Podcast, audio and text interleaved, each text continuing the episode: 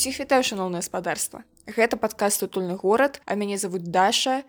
І перад пачаткам я хочу зрабіць важны дысклеймер. У гэтым выпуску я з наркаактывістам спадаром мехасём буду размаўляць пра псіхаактыўныя рэчывы, то як яны распаўсюджваюцца ў нашых гарадах і як на жыццё ў гэтых самых гарадах уплываюць. І канешне же мы не прапагандуем спажывання чаго-кольвек, распаўсюд чаго-кольвек і парушэнне заканадаўства ў краіне, дзе вы жывіце. Пры гэтым у гэтым выпуску вы не пачуеце традыцыйныя шматлікія напаміны пра тое, што наркотыкі зло і забароненыя рэчывы забіваюць. Я ўпэўнена, што мы гэта ўсё добра засвоілі яшчэ са школьны год. І ў гэтым выпуску мне хочацца разабрацца аб'ектыўна без эмацыйнай афарбоўкі без штампаў і без лозунгаў. Усё забараніць усіх пасадзіць на гэтым тэму закрылі. Калі для кагосьці гэта трыгерная тэма калі ласка трыгер-ворнінг псіхаактыўнай рэчывы, а ўсім астатнім прыемнага праслухоўвання. Мяне зовут Михась, займаюся пытаннямі наркапалітыкі ў вольны час, праграмаваннем, правамі жывёл. Наркапаліткай займаюся з 2017 года. А давай патлумачым нашим слухачам і слухачкам, што такое ўвогуле наркапалітыка. Гэта любыя правілы, которые дзейнічаюць на пэўнай тэрыторыі ў дачыненні да стасункаў паміж людзьмі і псіхаактыўнымі рэчывамі. То есть напрыклад правілы універсітэта кажуць, што нельга спажываць штосьці на тэрыторыі універсітэта можна сказаць, што это наркапалітыка гэтага універсітэта. У межах дзяржавы гэта крымінальны кодекс і адміністратыўны кодекс і всякие іншыя законы. Ты наколькі разумею зараз жывеш не ў Беларусі Праўда? Так я зараз жыву ў Польшы. Вось ты калі пераехаў цябе было адчуванне, што падыходы моцна змяняюцца ў гэтым актывісцкім напрамку таму што моцна адрозніваецца заканадаўства. Так я бачу як тут працуе арганізацыя сін напрыклад которая прынцыпе займаецца некаторымі рэчамі тымі же што і легалась Беларусь але нашмат больш вольна адкрыта нічога ну, не баючыся. Яны праводзяць лекцыі зніжаюць рызыкі для спажыўцоў на фестывалях у клубах. Ну лекцыі я разумею што такое зніжэнне рызыкі што гэта рызыкі пры спажыванні гэта все тое што можа нашкодзіць пры спажыванні любых сродкаў псіхаактыўных. Напрыклад піць ваду пасля таго як ты выпіў алкаголя перад сном напрыклад ці ўвогуле гэта практыка зніжэння рызыкаў ад алкаголя або зніжэння шкоды часцей кажуць. А правядзе яшчэ пару прыкладаў Таму што мне падаецца што все ж таки наркаактывісты займаюцца не тым што прапануюць людзям папіць вады пасля п'янкі. Ты не паверыш але ў Польшы гэтым таксама наркаактывісты займаюцца. Но ў беларусі так. У беларусі фокус на іншым. Он нас за кошт вельмі жорсткай наркапалітыкі канкрэтна мы займаліся і ну і працягваем онлайн займацца адвакацыяй як бы по гэтай тэме то есть топім фактычна за больш гуманную наркапалітыку. Вось глядзі я у беларускіх гарадах часта бачыла ўсякую сацыяльную рэкламу кшталту вялізны баннер і там значыць вось гэтае вялізы слова наркотыкі вялікімі літарамі і там нешта кшталту наркотыкі зло наркотыкі забіваюць і вось само слово наркотыкі наколькі я ведаю мои знаёмыя псіхаактывісты псіхаактывісткі наркаактывісты наркаактывісткі гэты тэрмін не вельмі любяць і яны кажуць што наркотыкамі можна называць толькі некаторыя рэчывы а некаторая нельга Як ты да гэтага ставіся ўвогуле? Са словамі блытаніна часта адбываецца таму што слова наркотыкі значыць вельмі розны ў розных мовах у розных кантэкстах. Ёсць юрыдычны панятак наркотыкаў у беларускім заканадаўстве ёсць такі размоўны варыянт. Ты сказала псіхаактывісты і наркаактывісты і актывісткі. Мы называем себе наркаактывістамі хаця самі в прынцыпе выступаем супраць слова нарка наркотыкі. Просто таму што это зручная прыстаўка такая зразумелая. А псіхаактывістамі і актывісткамі наколькі я ведаю называюць сябе людзі которые змагаюцца за правы людзей з псіхалагічнымі разладамі з псіхічнымі разладамі і мы про гэта ўжо казалі у адным з выпускаў што паколькі ва ўсіх краінах грамя краін постсавецкай прасторы умоўнай напрыклад нарказалежнасць там ці алкагольная залежнасці залежнасць ад нейкіх псіхаактыўных рэчываў іх адносіць да псіхічных разладаў. То бок ну такой навукі наркалогіі няма як бы. Ну акрамя таго людзі у якіх ёсць напрыклад залежнасці ад алкаголю у іх даволі часта ёсць там дэпрэсія яшчэ нейкія разлады. І таму гэта звязана і таму менавіта я са сваімі сябрамі сяброўкамі псіхаактывістамі псіхаактывісткамі таксама перакопала гэтае пытанне. Яны таксама часцей за ўсё ўжываюць менавіта тэрмін псіхаактыўныя рэчывы вот калі казаць пра то што за мяжой выкарыстоўваецца то вось амерыканскі наркакантроль напрыклад ён піша на сваім сайце што наркотикс у англійскай мове гэта толькі апіёіды. Увогуле са старажытнасці гэты корань пайшоў са старажытнай грэцыі здаецца першапачаткова азначаў што сродкі которые зніжаюць боль прыводзяць там да сну ці ступара. Ну а ў нашай мове гэта на афіцыйным узроўні гэта значыць любыя забароненыя псіхаактыўныя сродкі. Мы таксама стараемся ўжываць слова псіхаактыўныя сродкі гэта любыя рэчывы і іншыя сродкі якія дзейнічаюць на цэнтральную нервовую сістэму і мяняюць псіхічнае самаадчуванне чалавека. І яшчэ часта кажуць кантраляваныя рэчывы зварот якіх забаронены ці абмежаваны дзяржавы ведаеш мне напэўна больш падабаецца тэрмін кантраляваныя рэчывы таму што у мяне напрыклад псіхаактыўныя рэчывы асацыююцца не ведаю ну з энергетыкамі якімі-небудзь з кафеінам.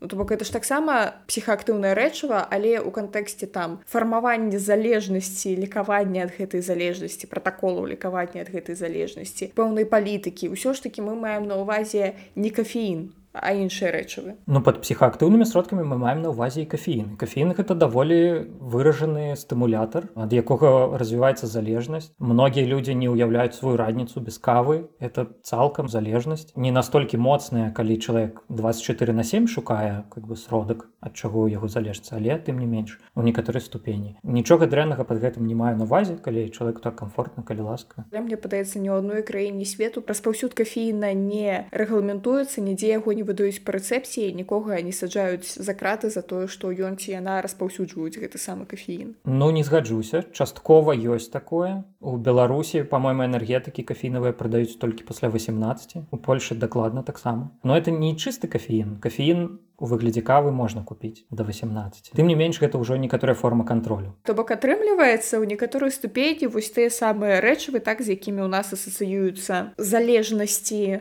вялікія тэрміны ў турме і ўсё астатняе гэта у тым ліку такая сацыяльная рэч таколькі я разумею. Пра некаторыя рэчывы грамадства вырашыла што вось яны шкодныя іх трэба абмежаваць кантраляваць і так далей пра некаторыя не і ў розных грамадствах больш за тое по-рознаму да часткова так это сацыяльная рэч але ўжо даўно гэта не зусім сацыяльная рэч а гэта вырашаюць заканадаўцы которые вырашаюць дадаць нейкае рэчыва ў спіс кантраляваных ці не дадаць. Пасля дадання яно становіцца вот приобретаю гэтую стыгму гэты спіс кантраляваных рэчываў вельмі вялікі У ім абсалютна розныя рэчывы, рознай сілы, рознага механізму дзеяння з рознымі эфектамі, якія выклікаюць залежнасць, не выклікаюць залежнасць, шкодзяць арганізму, не шкодзяць. Прынцып нейкі дакладны ў гэтым вельмі цяжка ўбачыць. Па сутнасці яны стараюцца туды дадаць все, чым можна как бы глуздануцца ад чаго можна злавіць прыход? Слухай ну можна і клею нанюхацца але пра гэта чамусьці гаворка не ідзе каб клей па рэцэптах прадаваць. Да па рэцэптах не ідзе але толуол тое рэчыва якое выклікала вот прыход ад клею яго зараз выключылі са складу клею каб людзі не нюхалі збольшага і перасталі пісаць у складзе што ён уваходзіць. Ну і ўвогуле перасталі пісаць што ўваходзіць канкрэтна якія субстанцыі у склад клею. Каб людзі не ведалі ну які клей купіць каб кайфануть. Цікава гэта толькі ў беларусі ці ва ўсіх краінах свету зараз так? А, ну за все краіны цяжка сказаць ну беларусі дакладна. Зноў жа да чаго я кажу пра гэтыя рэцэпты. Тут апынуўшыся ў эміграцыі мы ўсе сутыкнуліся з тым што напрыклад нейкія псіхатропныя прэпараты антыдэпрэсанты тыя ж у сакартвела усе купляюць вольна без рэцэпту. У беларусі у літве ў польшчы дзе заўгодна ў еўропе гэта немагчыма ты мусіш мець рэцэпт ад псіхіятра. Недзе можна набыць па беларускім рэцэпце недзе нельга на быць па беларускім рэцэпце антыбіотыкі элементарныя якія ў беларусі прадаюцца свабодна тут на ўсе гэтыя антыбіотыкі патрэбныя рэцэпты і ты разумееш што ў гэтым няма логікі ў сэнсе там навуковага абгрунтавання нейкага. Гэта просто ну вось а ў гэтай краіне так вырашылі а ў іншай краіне вось гэтак вырашылі. Гэты панятак псіхаактыўнасці і кантраляванасці ён вельмі плаваючы гэта цяжка вырашыць нават калі сабраць там самых разумных людзей і даць ім шмат часу. Некаторыя рэчывы могуць псіхаактыўнымі рабіцца толькі ў пэўным настроі. Ці для толькі для пэўных людзей а для іншых не. Іх псіхаактыўнасць залежыць ад спосабу ўвядзення ці ад колькасці. Напрыклад фенабарбітал такі сродак седатыўны ён прадаецца ў беларусі без рэцэпта змешаны са спіртам под назвай карвалол. Хаця ён выклікае залежнасць і моцны псіхаактыўны сродак, якім можна перадазавацца. У мяне ў школе намесніца дырэктара ўсю дарогу карвалол піла, толькі панервавалася і адразу за карвалул хапалася. І гэты чалавек будзе нам яшчэ лекцыі чытаць пра то, як спайсы нельга распаўсюджваць. Вось дарэчы, наконт распаўсюду спайсаў і всякихх аналагічных штук. Перыядычна ў сМ беларускіх мы бачым навіны пра тое, як які-небудзь умоўны гродзенскі школьнік патрапіў за краты на 8, 10, 15 год зняволення за то, што ён раскладваў закладкі ў парку. У мяне спачатку узнікае пытанне, а адкуль у гэтага 17гадовага хлопчыка ўвогуле ўзяліся гэтыя закладкі, якія ён пайшоў раскладаць. Як гэтыя самыя рэчы увогуле беларускія гарады трапляюць, каб школьнікі потым маглі іх раскладаць. Ну трапляюць двумя шляхамі або вырабляюцца ў Беларусі або прывозяцца. Субстанцыі, якія лёгка сінтэзоўваюць звычайна вырабляюцца на месцы. Гэта мефедрон, амфетамін, альфа ПВП, іншыя некаторыя. Для іх не так цяжка дастаць прекурсары, зварыць у гаражы і прадаць. Таксама то, што можна вырасціць, тыпу каноплі ці псілцыбінавыя грыбы, іх таксама звычайна расцяць, гэта прасцей, ты проста дастаў споры ці семкі. А то, што складана сінтэзоўваць, імпартуецца, напрыклад, МДМА збольшага вырабляецца ў Нідерландах і імпартуецца ва ўсе іншыя краіны для гераіну напрыклад патрэбны опіумны мак ну гераін не цяжка как бы зрабіць таксама але патрэбны сыравіна патрэбна опіумны мак які ў нас і не расце нормально і міліцыя з ім змагаецца кожную восень у маку змяшчаецца марфін і іншыя апіёіды кадэін напрыклад і з якіх можна сінтэзаваць гераін то есть гераін это паўсінтэтычная рэчва такое. Але гэта робіцца з маку снатворнага а з макаў которые растуць у беларусі ну можна штосьці там зрабіць но оно такое просто лёгкі санлівы эфект аказвае і все наколькі я разумею гераін і падобныя наркотыкі гэта больш штосьці з серыялаў пра 90е зараз наколькі я штосьці ў чымсьці разумею няма такого каб маладыя людзі усе унутрывенна спажывалі гераін гэта такая не масавая з'ява. Так мне здаецца што ў 90е было реально цяжкае жыццё і людзі збегалі ў вот у іншую ну не ў іншую рэальнасць а под апіёідамі ты как бы ўвогуле просто збегаеш у нікуды не ў нейкую там галюцынацыю прыгожа ты просто ну спіш салодка зараз людзі в прынцыпе не хочуць збегаць з жыцця ім падабаецца жыць збольшага і яны хочуць наадварот актыўней жыць і таму яны выбіраюць стымулятары і фарэтыкі то есть мефедрон альфа пвп метамфетамін у рассіі падпольных лабараторый вельмі шмат і ў беларусі троху ёсць перыядычна навіны з'яўляюцца што іх накрываюць паколькі паміж беларусію рассіі нармальнай мяжы няма паўнавартай то і яго возяць пастаянна была такая папулярная даркнет пляцоўка гідра яна дзейнічала ў рассіі ў беларусі все на яе куплялі збольшага пасля яе закрыцця ўзнікла шмат новых тыпу з десятак ну яны ўзніклі ў рассіі і в прынцыпе збольшага і ў беларусі таксама тыя ж самыя пляцоўкі у такіх вот маштабных працэсах Беларусь выступае прыкладна як ну рэгіён рассіі Ну конечно ёсць і людзі которые там трошки для сябе вырошчваюць нешта і для сяброў і все і не адсвечваюць такія і ў навіны амаль не трапляюць Я табе магу прывесці такі прыклад на маёй малой радзіме быў адзін вясёлы хлопчык у нашай школе вучуўся на некалькі год старэйшы. І у яго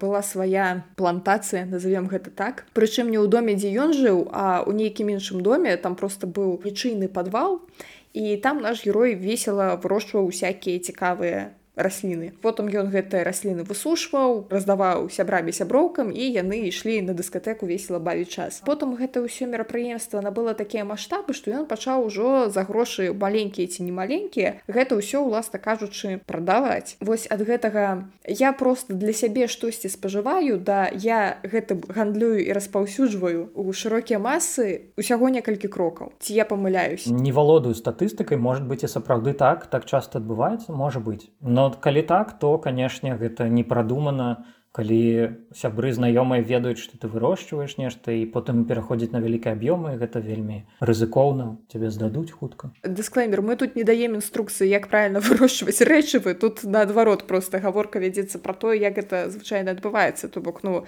людзі якія гэтым займаюцца прафесійна яны нікому не расказваюць. Я так разумею што сваім досведам дзеляцца якраз такі аматары і аматаркі. Мне дарэчы аднойчы патрапіўся падкаст у якога было вельмі дзіўнае апісанне мы канал пра сучаснае расценеводства я подумала ну класна зараз напэўна яны раскажуць про то як фіялкі вырошчваць і я пачала слухаць і я зразумела что гэта подкаст про тое як вырошчваць усякія забароненыя рэчывы. Але ну гэта сапраўды нейкае аматарства тому что гэтыя людзі нічога не прасоўвалі. У іх не было там спасылак на нейкія тэлеграм-боты дзе гэта ўсё можна было б дабыць. Ну то бок атрымліваецца что ўсё ж таки у наших гарадах ёсць просто людзі реально аматары аматары шкода ад тых рэчаў таго што яны вырашаны нейкім аматарскім а не лабараторным спосабам мне падаецца меншай не становіцца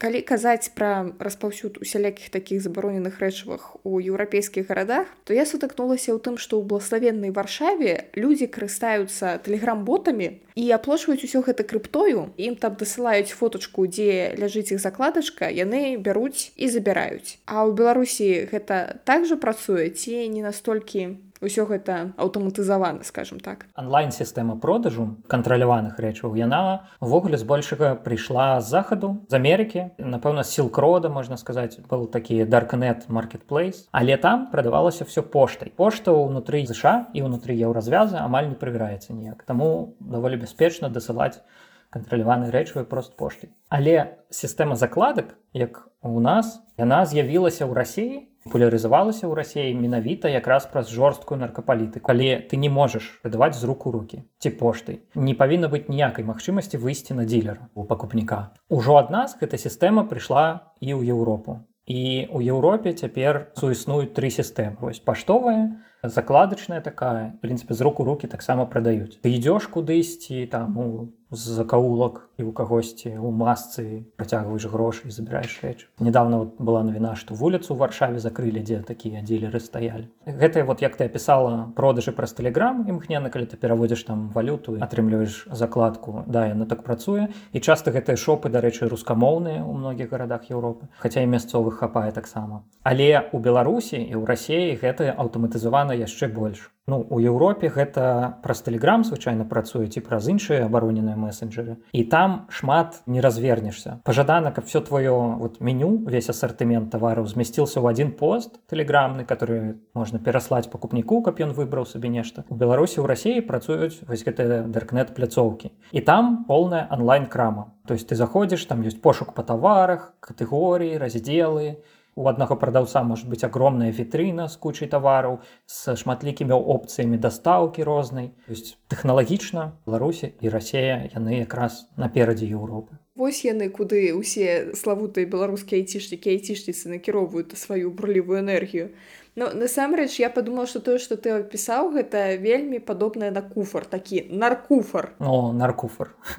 Можна так. Галаве пакуль што не укладаецца таму што шмат стэеатыпаў пра тое што гэта Ну якія-небудзь праўда цёмныя закаулкі ў нейкіх дэпрэсіўных раёнах недзе там за гаражамі хтосьці камусьці штосьці перадае. А атрымліваецца што у якім-небудзь горадзе гродна у якім-небудзь калужскім парку можа под якім-небудзь каменем просто ляжаць пакетик хочаш з гераінам хочаш з амфетамінам хочаш з антыдэпрэсантамі на якія ты чамусьці не выпісаў рэцэпту псіхіятра. Ну толькі што гераін не так распаўсюджаны на гэтых пляцоўках і іншыя апіёіды ну таму што попыт маленькі А яны і больш дарагія наколькі я разумею. Ну у параўнанні з мефедроном так і больш дарагія. Конечно тут же адна лагістыка чаго каштуе. Ўсё па законах рынку абсалютна. Так менавіта. Кожнае звено у ланцугу лагістычным дадае і цану і прымесі дамешкі можа дадаваць. Якраз пра гэтыя закладкі. Я сказала што гэта можа быць под каменем у парку. Мне адна аматарка паспажываць усякае забароненае рассказывала нават вясёлую гісторыю як ёй прыйшла фатаграфія з закладка ляжыць под каменем недзе на беразе ракі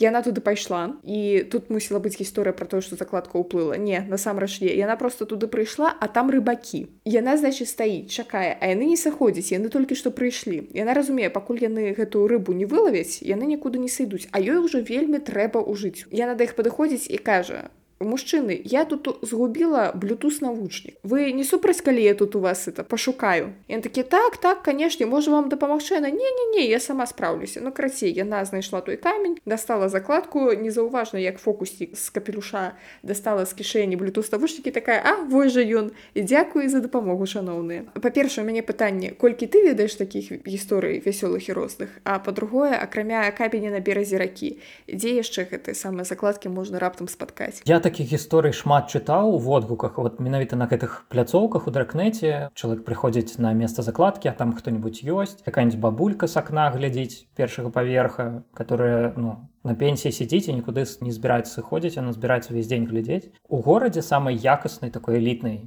закладкай лічыцца на магніце кладецца маленькі магніт у закладку замотваецца і застужкай прымацоўваецца да якіх-нибудь там сметніц парэнчаў падваконняў сцёкавых трубаў і такія закладкі можна часам шукаць выпадкова калі там паправодзіць руками па розных падваконнях фасунак можа просто так лежаць на зямлі але ніхто яго не возьме тому что ён замаскаваны будзе камень напрыклад самый папулярны такі ці под нейкае смеце под пачку цыгарет ці бутэльку каменні робяцца штучныя то есть закладка аблепліваецца там гіпсам напрыклад фарбуецца под камень ці обваливаецца ў пяску і кладзецца ў траву і все і ніхто акрамя пакупніка не ведае што гэта закладка. І трэці від закладак гэта прыкоп у ідэале замотваецца твой зіплок з рэчывам у яскравую застужку каб ты яго ў чорнай зямлі ўбачыў капаючыся і закапваецца у парку там ці ў клумбе напрыклад аптовыя клады яны амаль заўсёды такімі прыкопамі распаўсюджваюцца за горадам у лесе. Ну дзеля бяспекі гэта робіцца таму што асабліва ў рассіі гэта актуальна таму што там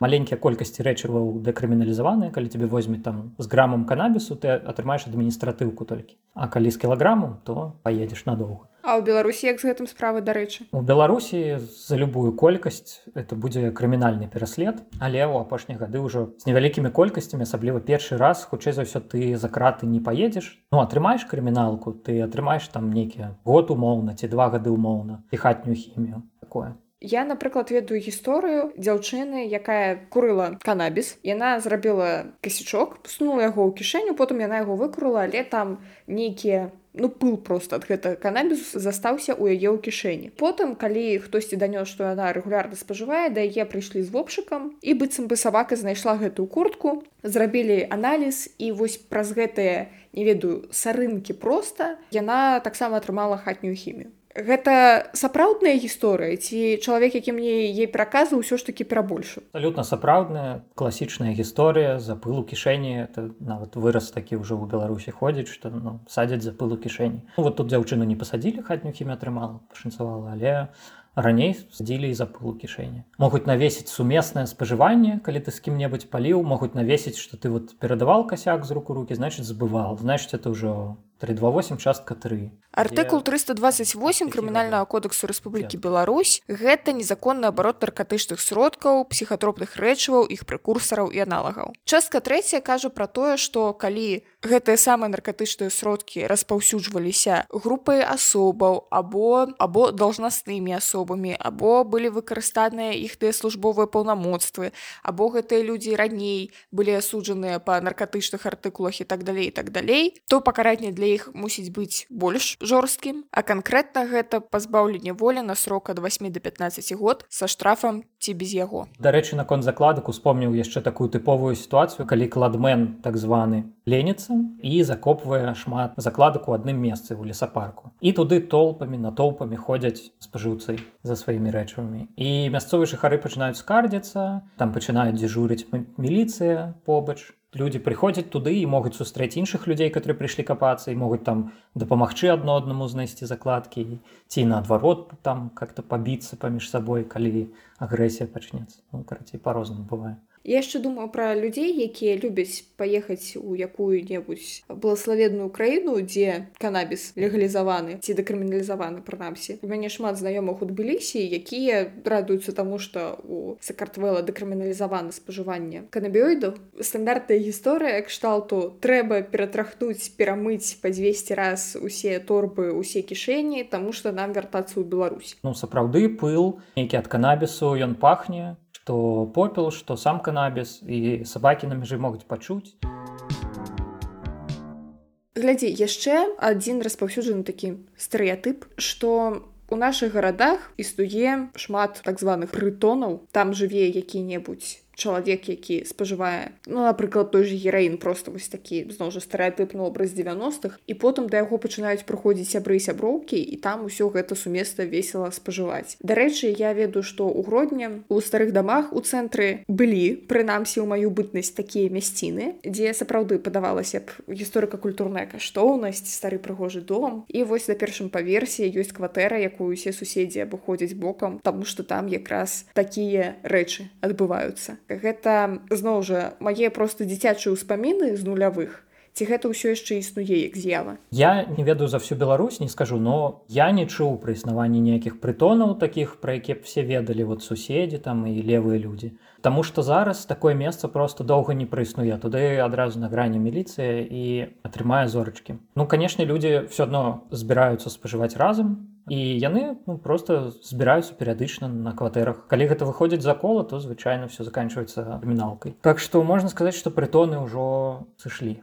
і з вельмі вялікімі тэрмінамі наколькі я разумею таму што гэта ўсё будзе трактавацца як распаўсюд. Мало таго што распаўсюд ёсць адмысловы артыкул прадастаўленне памяшкання пад спажывання цікавая канешне у беларусі наркапалітыка. Мяне здзіўляе колькасць артыкулаў і пунктаў і падпунктаў у іх якія звязаныя са спажываннем распаўсюдам і вытворчасцю псіхаактыўных рэчываў. Я памятаю дарэчы калі яшчэ вучылася ў школе да нас аднойчы прыйшоў інспектор па справах непаўнагадовых з гонарам ён тут нам распавядаў пра тое што раней у беларускім заканадаўстве быў прабіл пэўны з усякімі гэтымі круцільнымі смесьмі якая праблема была. Хімікі сінтэзавалі штосьці новае у гэтага рэчыва новая формула і яно значыць ужо не ўваходзіць у спіс забароненых рэчываў як бы чалавека які ўсё гэта распаўсюджвае спажывае нельга прыцягнуць да адказнасці. Але беларускія заканатворцы яны такія малайцы што яны ўпісалі ў заканадаўства слова аналагі цяпер у незалежнасці ад таго якая там канкрэтна формула гэта ўсё адно лечыцца наркотыкам. Я гэта ўсё да чаго вяду.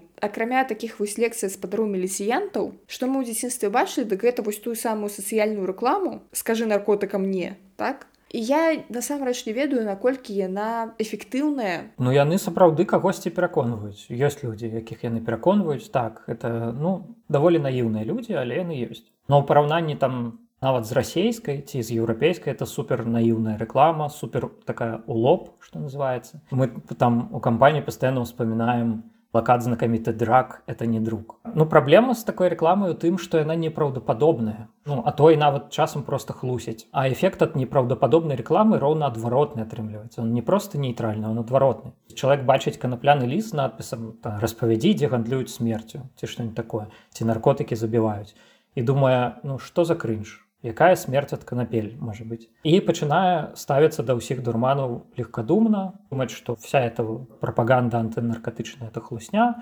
можна нічога не баяцца і спажываць все что хочаш как бы не думаючы ці ў школе калі настаўніцы настаўнікі часта горш разбіраюцца чым вучні у тэме псіхаактыўных рэчываў. Яны разумеюць што ім просто тлумяць галаву нейка лухтой іх там знаёмых которые спажываюць ногі не гніюць э, руки не адваливаюцца яны все пропускаюць мімо вышэй хаця рызыкі канешне ёсць і рызыкі сур'ёзныя у гэтым кантэксце мне успамінаецца выстава у гродзенскім гарадскім доме культуры. Крыцей гэта быў конкурс плакатаў сярод падлеткаў і моладзі. Падлеткі моладзь малявалі тое на што яны знайшлі рэферэнс у інтэрнэце што ім падказалі іхныя педагогі і так далей. І там вялікая колькасць плакатаў была пра вірус імунадэфіцыту чалавека і спажывання гераіну. І гэта ўсё было неяк так змешана значыць вось гэты перакрэслены шпрыц напрыклад і напісана штосьці там пра віч так ці праснід. Мяне гэта так бесіла тому что гэта такая стагматызацыя ўсіх людзей якія спажываюць любыя псіхаактыўныя рэчывы з катэгорыі ты спажываеш значыць ты захварэеш на снід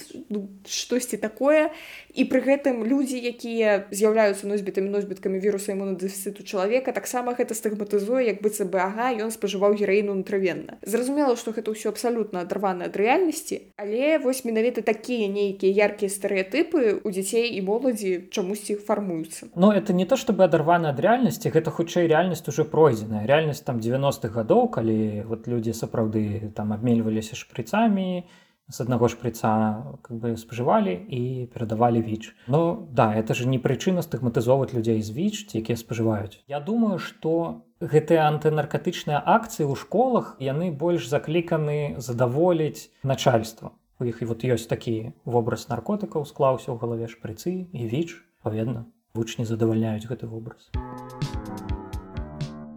мы с тобой уже казалі пра гэтыя вясёлыя навіны значыць затрыманы злосны закладчык закладчыца і звычайна гэта людзі там до 25 год. То бок я ніколі не чытала да вінок што тут чувак 68 раскладваў закладкі. У мяне пытанне А чаму голодзі беларускіх гарадах усягваецца ў гэты самы незаконны распаўсюд псіхаактыўных рэчаў спачатку хочу адказаць наконт людзей которым 60-40 насамрэч яны ёсць і такія закладчыкі таксама ёсць. Хоць іх значна значна менш Але сапраўды амаль заўсёды гэта школьнікі ці студэнты. Ім патрэбны грошы а ў іх няма кваліфікацыі моцнай каб ну, знайсці працу добрааплотную яны вядуцца на вось гэтыя заклікі ну стаць кладменам. Ну, часта гэта людзі мала дасведчаныя за кошт свайго маладога ўзросту і не разбіраюцца моцна у тым як там ананімна ў інтэрнэце сядзець як ананімна рабіць закладкі і не бачаць прычын разбірацца. На яны просто ну спосабы ідуць плюс ёсць крамы немало для которых гэта спосаб распаўсюду. То есть яны наймаюць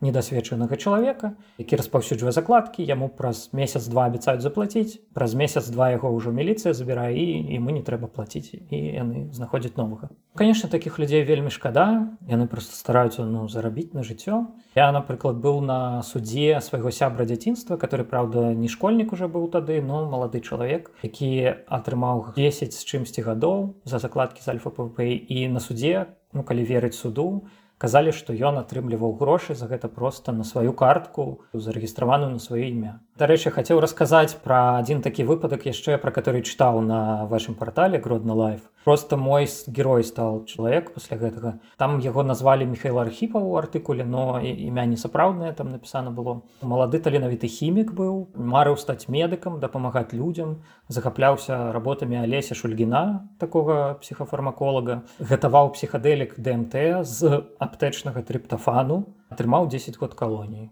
Ён мой герой таму што ну таленавіты хімік і медык который хацеў дапамагаць людзям чалавек з вельмі добрымі намерамі ён нікога не падманваў ну, так ён распаўсюджваў там рэчывы ён сінтэзоўваў для нейкага шопа.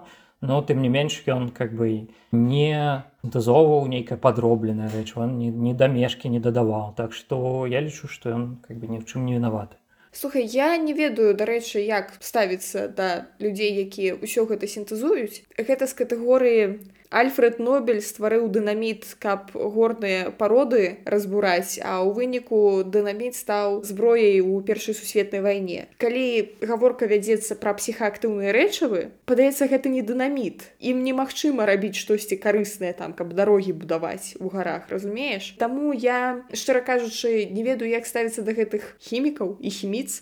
Не да мне больш прыемныя людзі просто за кошт таго, што ў іх там ёсць спецыяльныя веды адукацыі ў адрозненне ад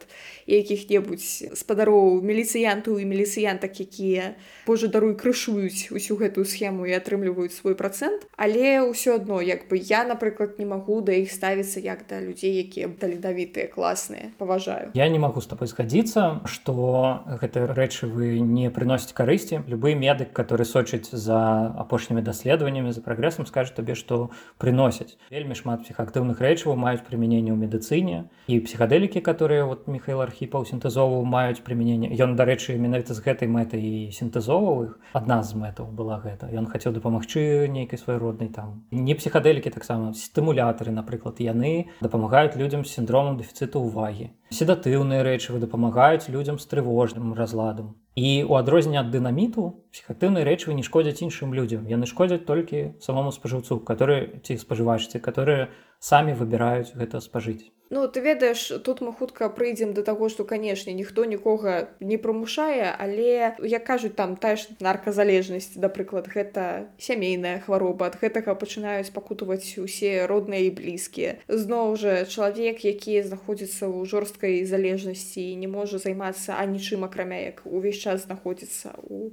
пошуках гэтага рэчыва. Ён ці яна могуць быць больш схільныя да крымінальных злачынстваў. Гэта я так зараз падбіраю выразы каб з аднаго боку не стыгбатызаваць нікога кшталту ты спажываеш аўтаматычна значыць ты злачынцы які шукае каго абрабаваць. Але ўсё яшчэ людзі якія займаюцца гэтай вытворчасцю падпольную лабараторыях яны ж разумеюць што яны гэта робяць не для медыкаў якія гэта будуць прызначаць сваім пацыентам пацыенткам а для людзей якія на гэта будуць зарабляць вялізныя грошы за кошт залежных людзей. З абсалютна слушнае пытанне сапраўды залежнасць ўзнікае но трэба разумець што яна ўзнікае прыкладна увогуле па статыстыцы аан ва ўсіх спажыўцоў которые спажываюць нейкія кантраляваныя рэчывы праблемы ўзнікаюць дзесьці ў 13соткаў з іх праблемы ўключаюць у сябе праблемы са здароўем залежнасць але канешне ты у каго ўзнікаюць залежнасць это так это моцная праблема она можа прыводзіць да дрэнных наступстваў і для людзей которые атачаюць чалавека з залежнасцю лепш за ўсё як і з іншымі разладамі арганізма спраўляюцца дактары медыцына можа шмат чым дапамагчы а міліцыя якраз такі перашкаджае в этом плане Ну вось я тут з табой пагаджуся гэта тое месца дзе мы зможам знайсці кансенсус мне падаецца таму што я ведаю даволі часта людзі баяцца звярнуцца да лекара лекаркі у тое самае аддзяленне наркалогіі таму што блин паставіць на ўлік прыйдзе мяліцыя будзе штосьці распытваць азе ўзяў а з кім спажываў а што там было. Па-першае. Па-другое сапраўды кваліфікацыя псіхіятраў нарколагаў псіхіятрыц наркалагіц. У нашых раённых паліклініках яна выклікае шмат пытанняў даволі часта. То бок калі я аднойчы на ўласныя вушы пачула як жанчына нарколог крычала на свайго пацыента крыкам і гэта быў пацыент які на працы спажу алкаголь ці штосьці яна на яго крычала кшталту ты разумееш што цябе звольняць а хто дзяцей тваіх будзе карміць? То бок абсалютна непрафесійныя павозіны абсалютна не мее нічога датычнага да лекавання залежнасці. З іншага боку напрыклад у гродзенскім цэнтры псіхіятрыі наркалогіі наколькі я ведаю даволі шмат файных спецыялістаў і там даволі файнае рэабілі рэабілітацыі якое шмат каму дапамагае. Залежнасці гэта комплексная з'ява напрыклад моцны эфект аказвае добрая адукацыя добрая асвета которая ну просто папярэджвае з'яўленне залежнасці калі бы у школах не пужалі людзей што ў іх ногі адваляцца а распавядалі праўду і калі бы вучні которые хочуць нешта спажыць ці которые бачуць праблемы ў сваіх сяброў там маглі бы не баючыся звяртацца да настаўнікаў ці да псіхолага школьнага не баючыся што іх паставіць на ўлік ввогуле адправіць у калонію думаю было б все значна лепш такая думка з'явілася што ў некаторых краінах калі чалавек дае хабар нейкаму чыноўніку ці чыноўніцы але потым пра гэта заяўляе то ён вызваляецца ад крымінальнай адказнасці. І мне падаецца што можа быць калі б быў такі пункт у заканадаўстве што нарказалежны чалавек звяртаецца па дапамогу то ён мусіць быць пазбаўлены ад адказнасці за тое што ён там распаўсюджваў напрыклад. Абсалютна згодны штосьці можна падумаць. І ёсць падобны закон ну аддалена падобны ў гэтым кірунку у канадзе. Закон добрага самараніна называется калі ты парушаеш нарказаканадаўства але з табой побач хтосьці атрымаў перадазаванне і ты выклікаеш дапамогу гэтаму чалавеку. Гэтым актам ты пазбаўляешься крымінальнай адказнасці. Гэта зроблена для таго каб людзі выклікалі хуткую не баяліся і гэта працуе таксама вельмі жудасная гісторыя про тое як людзі разам спажывалі камусьці стала блага і хуткую не выклікаюць таму што за хуткай жа прыйдзе міліцыі і накрыюць усіх нас і ўсе мы сядзем і мне падаецца што гэта вельмі слушная ідэя. Але давай пакуль што пагаворым пра тое што існуе ў нашай краіне. Ёсць напрыклад такі рух маці 328 гэта наколькі я разумею тыя жанчыны актывісткі у якіх дзеці трапілі за краты якраз па гэтых наркатычных артыкулах. Гэта канешне вельмі мужныя жанчыны якія гатовыя на многае дзеля сваіх сыноў. Мужныя даволі патрыархальнае слово лепш сказаць напэўна моцныя жанчыны да. Там не толькі мамы там і жонкі і нават таты. Раіне нашага часу я некаторых ведаю асабіста якія сутыкнуліся вот з гэтым вялікім горам і просто не змаглі не пачаць дзейнічаць нешта рабіць. Ім цяжка нешта прад'явіць публічна ну дзяржаве Таму што яны з маральнага пункту гледжання цалкам как бы чыстыя умоўна так сказаць. Калі разглядаць у кантэксце нашага постсавецкага грамадства дзе тэма гэтая вся стыгматызавана. Таму што гэта такія сумленныя працавітыя жанчыны у которых аднялі сына ці дачку якія самі не парушалі закон. Хаця некаторыя прадстаўніцы матчнага руху не падтрымліваюць ідэі рэкрэацыйнай легалізацыі псіхактыўных сродкаў. Ну я не магу іх у гэтым вінаваціць. Яны выраслі ў іншым грамадстве у іншым асяроддзі наркафобным і яны заняты сваімі дзецьмі каб іх вызвалі любым шляхам А нагадай калі ласка што такое рэкрэацыйная легалізацыя гэта легалізацыя для задавальнення так сказаць то есть калі прадаюцца псіхактыўныя сродкі ну вот як алкаголь напрыклад ён легалізаваны рэкрэацыйна ён прадаецца не па медычных там паказаннях а просто для задавальнення людзей Зразумела, А якія рэчывы звычайна становяцца такімі псіхаактыўнымі сродкамі легалізаванымі. Я так разумею, што зноў жа не гераін, які мы тут так шмат абмяркоўваем і не какаін. Так гераін я не памятаю краін, дзе быў э, легалізаваны рэкрэацыйна. Пра какаін ідуць размовы, па-мойму, у Калумбіі яго хочуць легалізаваць рэкрэацыйна. У Нідерландах таксама вот недавно былі навіны. Але, канешне, звычайна гэта канабіс наступныя такія кандыдаты пасля канабісу легалізацыі это селцыбінавыя грыбы і часам некаторыя краіны разглядаюць мдма яшчэ Але я ўсё адно хочу сказаць што нават такія лёгкія сродкі яны таксама могуць выклікаць залежнасць канешне мы уже пахадзіліся што і кафеін можа выклікаць залежнасць Ну але просто каб мы гэта яшчэ раз прагаварылі каб гэта не гучала так што гэта зусім як вадзічку піць. Так канабіс можа выклікаць залежнасць. Спрэчка ідзе псіхалагічную ці фізічную. Лічную калі выклікае то супер супер рэдка. Але лагічную такую звычку моцную можа выклікаць і негатыўна ўплываць на памяць но добрая навіна ў тым што калі кінуць паліць то арганізм аднаўляецца потым Вось яшчэ наконт гэтай наркапалітыкі мяне падчас размовы з табой ўсё ж таки склалася ўражанне што Беларусь рэпрэсіўныя краіны не толькі ў сэнсе там палітычных артыкулаў і ўсяго астатняга а у нас яшчэ і гэтая самая наркапалітыка нейкая неадэкватная што нават у рассіі ўсё як быццам бы больш чалавечна Таму што гэтыя тэрміны за пыл у кішэні Ну гэта просто здзекі на мой суб'ектыўны погляд тому что усяляк бывае. Бывае что гэты самы пыл да сябе потрапіў тому что ты яго не ведаю на ботах прынес з вуліцы. Сапраўды гэта той выпадак калі сябры маглі курыць ты побач стаяла а у выніку на тваім падваконні попел застаўся. Ну то бок ну гэта зусім не чалавечная а гэтыя дзеці якія сядзяць по 8 год за тое что раскладалі нейкія закладкі са спайсамі Ну гэта у мяне таксама ў галаве галаве не ўкладаецца таму што ну і чаго вы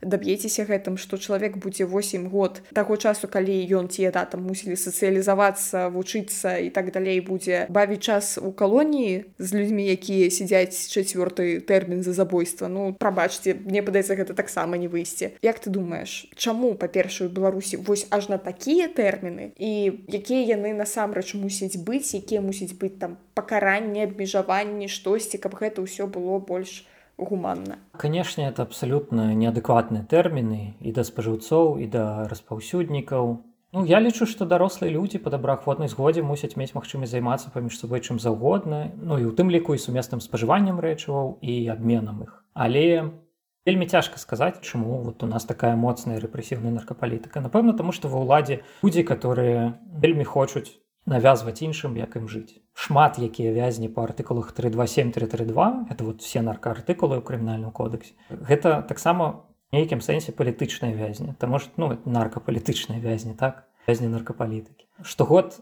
па іх асуджаюць 2-3 тысячи чалавек з іх каля тысячи адпраўляецца ў калонію і гэта адбываецца не з два -го года раней асабліва жорстка это пачалося ў 15 годзе калі прынялі дэкрэт нумар 6 который вот і увёў гэтыя все аналагі. Дарэчы да сусветнай праваабарончай супольнасці таксама зараз паступова прыходзіць как бы разуменне што гэта палітычна матываваныя рэпрэсіі асабліва дачынення да спажыўцоў простых. Амнісці інтэрнэшнл такая адна з самых уплывовых сусветных арганізацый у правах чалавека на за апошні год выпусціла некалькі рэпортаў па тэме дзе піша што наркапалітыка дзяржаў павінна фокусавацца на здароўе людзей і не парушаць правы чалавека трэба дэкрыміналізоўваць то бок выносіць з крымінальнага кодекса пакаранне за захоўванне рэчываў для ўласнага спажытку і розныя агенцыі аан таксама даўно заяўляюць пра неабходнасць дэкрыміналізацыі дэкрыміналізацыя яна спрыяе здароўю людзей яны там не баяцца выклікаць хуткую звяртацца па дапамогу і праблемах мяне вельмі кранула тое што ты сказаў пра тое што ва ўладзе ёсць людзі якія хочуць навязваць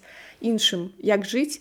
Пры гэтым тыя самыя людзі не тое каб самі прытрымліваліся здаровага ладу жыцця і версія паўла спірына напрыклад палітвязень зараз сядзіць у беларусі который выпусціў там відэа на Ютубе про то что спецыяльна такое заканадаўства ввялі каб больш маладых людзей забраць у калоніі прымусіць працаваць амаль бясплатна на вытворчасці розных вырабаў і для іх экспарту там у дэпартамента выканання пакаранняў здаецца каля 15 прадпрыемстваў ёсць ты просто на іх сайце напісана гэта не сакрэт наконт спажывання этанолу алкаголю. Ну бач гэта ў нашым грамадстве вельмі падтрымліваецца нягледзячы на то што любы нарколог скажа што алкаголь это вельмі моцная псіхактыўна рэчыва якое выклікае шмат праблем у арганізме залежнасць псіхозы і гэтак далей. Ну, вот сацыяльна прынята. Ёсць аптэчныя настойкі вось дзе дарэчы седатыўныя сродкі разам са спіртам змешаны. Гэтае таннае віно которое прадаецца чарніла так называемое вот дзе сапраўднае спажыванне вот дзе сапраўдная праблема. От алкаголя памірает по-моему 20 тысяч чалавек у год у беларусі толькі. Ну тут ведаеш зноў жа такая гісторыя. І адно недобра і другое недобра. Бач пераб'ю тут трэба разумець что другое это просто другое. Не просто і там ёсць алкаголь і штосьці другое тыпу алкаголь спіс кантраляваных рэчываў вельмі вялікі і яны вельмі розныя. Там ёсць рэчывы которые не выклікаюць залежнасць не шкодзяць арганізму. Яны все адно там ну зразумела канешне тут трэба тады падзяляць не на першае і другое а на першае другое трэцяе пятое десятое тому что сапраўды як мы сказали паміж канабісам і гераінам ўсё ж таки пропасць а у нас у галовах гэта дагэтуль штосьці з адной катэгорыі з катэгорыю Божа мой наркотыкі за якія ты сядзеш на 10 год. Гэта яшчэ одна праблема са словом наркотыкі так что все под одну гребёнку гребется Я б з табой яшчэ хацела паразмаўляць пра краіны і гарады, дзе ўсё выглядае крышку па-іншаму. Напрыклад, мой сябр нядаўна быў у Амстэрдаме і ён мне распавядаў пра такую з'яву там як кафешопы. Я такая кафешопы гэта там дзе кава прадаецца. Ён такі не. Аказалася, што там усякія цікавыя рэчы з канабісам. Ну то бок можна проста дабыць канабіс для палення, а можна дабыць якія-небудзь кексікі ці шакаладкі і сапраўды іх весела з'есці так ці з'есці з каваю. Ці бываў ты ў такіх гарадах, як яны табе калі ты там раптам бываў ну так я бываў у амстердаме назіраў кафешопы таксама там ёсць смарт-шопы дзе прадаюцца іншыя псіхаактыўныя сродкі которые ну можна легальна прадаваць невялікі іх спіс но можна напрыклад псілцыбін но сам псілцыбін забаронены ў нідерландах але з ім ёсць склероцый это такія атлажэнні грыбныя яны фармальна не забаронены таму іх можна прадаваць ну, я не заўважыў ніякіх как бы что там людзі как-то валяюць неадэкватна сябе паводзяць ну, может конечно такое здараецца но я калі гуляў па амстердаме не заўважыў такого на вуліцах нідерланды это краіна нас самых нізкім узроўнем злачыннасці ў свеце при тым что вельмі ліберальная наркапалітыка я таксама ведаю что там ёсць пакоі бяспечнага спажывання людзі могуць прыйсці са сваімі нават кантраляванымі рэчывамі там якім-небудзь там гераінам умоўным і спажыць яго ў такім пакоі дзе будзе доктар который пракантралюе што чалавек там не перадазнецца і так далей што ён не будзе выкарыстоўваць какие-то брудныя шпрыц напрыклад брудны і не атрымае пашкоджанне арганізма. Гэта таксама вельмі вельмі зніжае шкоду спажывання То бок атрымліваецца, што калі чалавек спажывае той жа самы гераін, да якога я ўсю дарогу вяртаюся, то няхай ён гэта лепей робіць з чыстым шпрыцам пад кантролем і з пэўнай дазоўкай, чым невядома дзе, невядома як. І пасля гэтага ён яшчэ і памрэ, не дай Божа, тут у яго з'яўляецца шанец усё яшчэ жыць і вылечыцца напрыклад ад залежнасці чаму не так адназначна прикольно что мы вяртаемся постоянно да гераіна таксама как бы падтрымліваем гэты стэеотып з 90-х і все яшчэ хаця зараз большая праблема ў наркалогіі напрыклад тым што людзі прызвычайваюцца да мефедрона так напрыклад зрабіла такую выснову з нашай сённяшняй размовы што усе мы тут дарослыя людзі сабраліся усе мы самі вырашаем што рабіць з уласным жыццём у любым выпадку на ўзроўні дзяржавы як на мой густ не мусіць быць так каб шкода ад вашай наркапалітыкі была большай за карысць. Вы хочаце каб людзі не атрымлівалі залежнасць ад спажывання усялякага але пры гэтым вы десяткі тысяч людзей адпраўляеце за краты і у выніку яны становяцца дэсацыялізаваныя маргіналізаваныя. І чым вы зрабілі лепей? Хочу сказаць што калі вы ці ваши знаёмыя нешта спажываюць будьце вельмі абачлівыя шмат чытайце адукуйцеся по гэтай тэме ведаеце што вы спажываеце каб не перадазавацца каб не атрымаць шкоду арганізму адукацыя асвета яна сапраўды дапамагае мяне так падмывае сказаць а лепей і не спажывайце і не пачынайце але я не буду гэтага казаць таму што усе дарослыя людзі на гэтым я думаю можна скончыць наш сённяшні выпуск. Шаноўна гаспадарства калі ласка стаўце лайки зорачкі усе астатнія прыемныя адзнакі дзякуй вялікі спадар мехазік это было вельмі інфарматыўна. Мне ёсць шмат аб чым падумаць пасля гэтага выпуску. Пачуемся. Пассажиры, памятайте, вы обязаны оплатить проезд. Security, that the SharePoint, yes,